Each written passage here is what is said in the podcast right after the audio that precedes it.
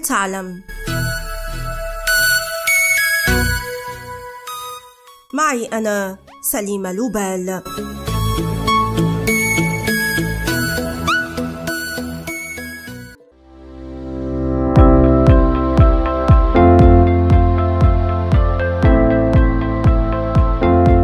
أين جواربي وأين أرتبها؟ وأين الفردة الثانية وكيف ضاعت؟ هذه أسئلة روتينية تتردد في كل بيت.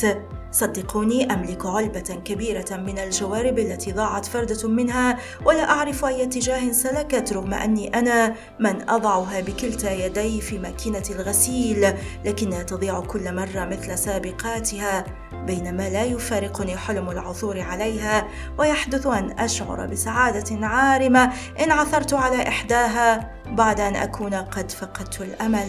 عرفتم القصة. سأتحدث اليوم عن الجوارب لكن قبل ذلك آمل أن تشتركوا في بودكاست. هل تعلم على Apple Podcasts و Spotify و Google Podcasts؟ وتدعموني بتعليقاتكم أيضا.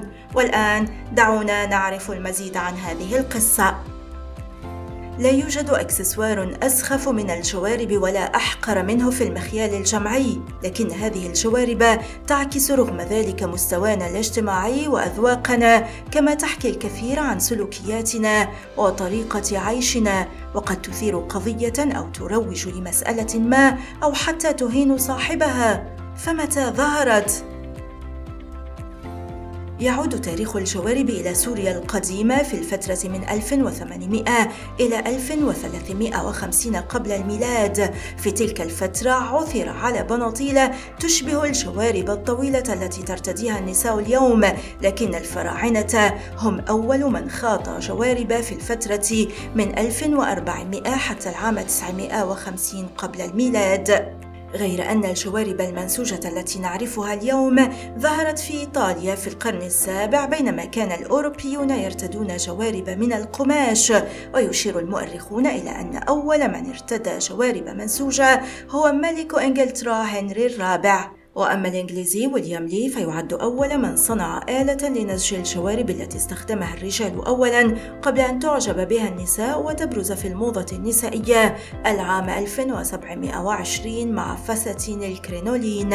لكن لمن اهتم كثيرا بالجوارب في كتابه فلسفة الجوارب يقول عالم الاجتماع الفرنسي جان كلود كوفمان إننا غالبا ما لا نهتم بالجوارب لكن الحديث عنها يصبح سلبيا حين تظهر وتبرز كأن تكون مثقوبة أو قصيرة جدا أو غير مناسبة. فلفترة طويلة كان ارتداء الجوارب البيضاء مع البدلة يدل على الذوق الرفيع ثم أصبح ذلك علامة على قلة المعرفة. لنعد قليلا إلى الوراء. هل سبق وأثارت الجوارب ضجة؟ نعم لقد حصل ذلك. ففي عام 2007 فوجئ العالم بصور الجوارب الممزقة للرئيس الأسبق للبنك الدولي بول وولفوفيتز بعد أن اضطر لخلع حذائه عند زيارته لمسجد في تركيا.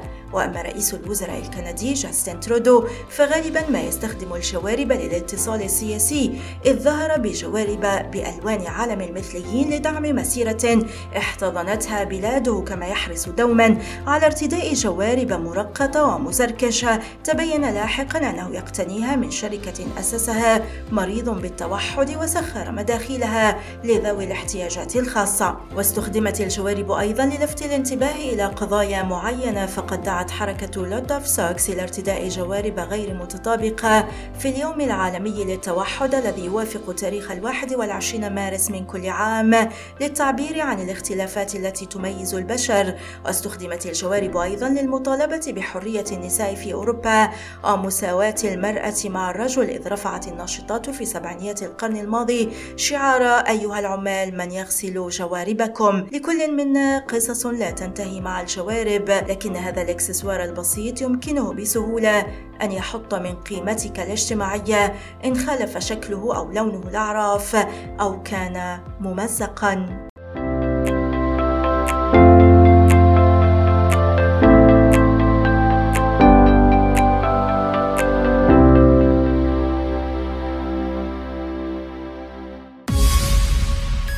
والآن إلى اللقاء مع حلقة جديدة. من بودكاست هل تعلم؟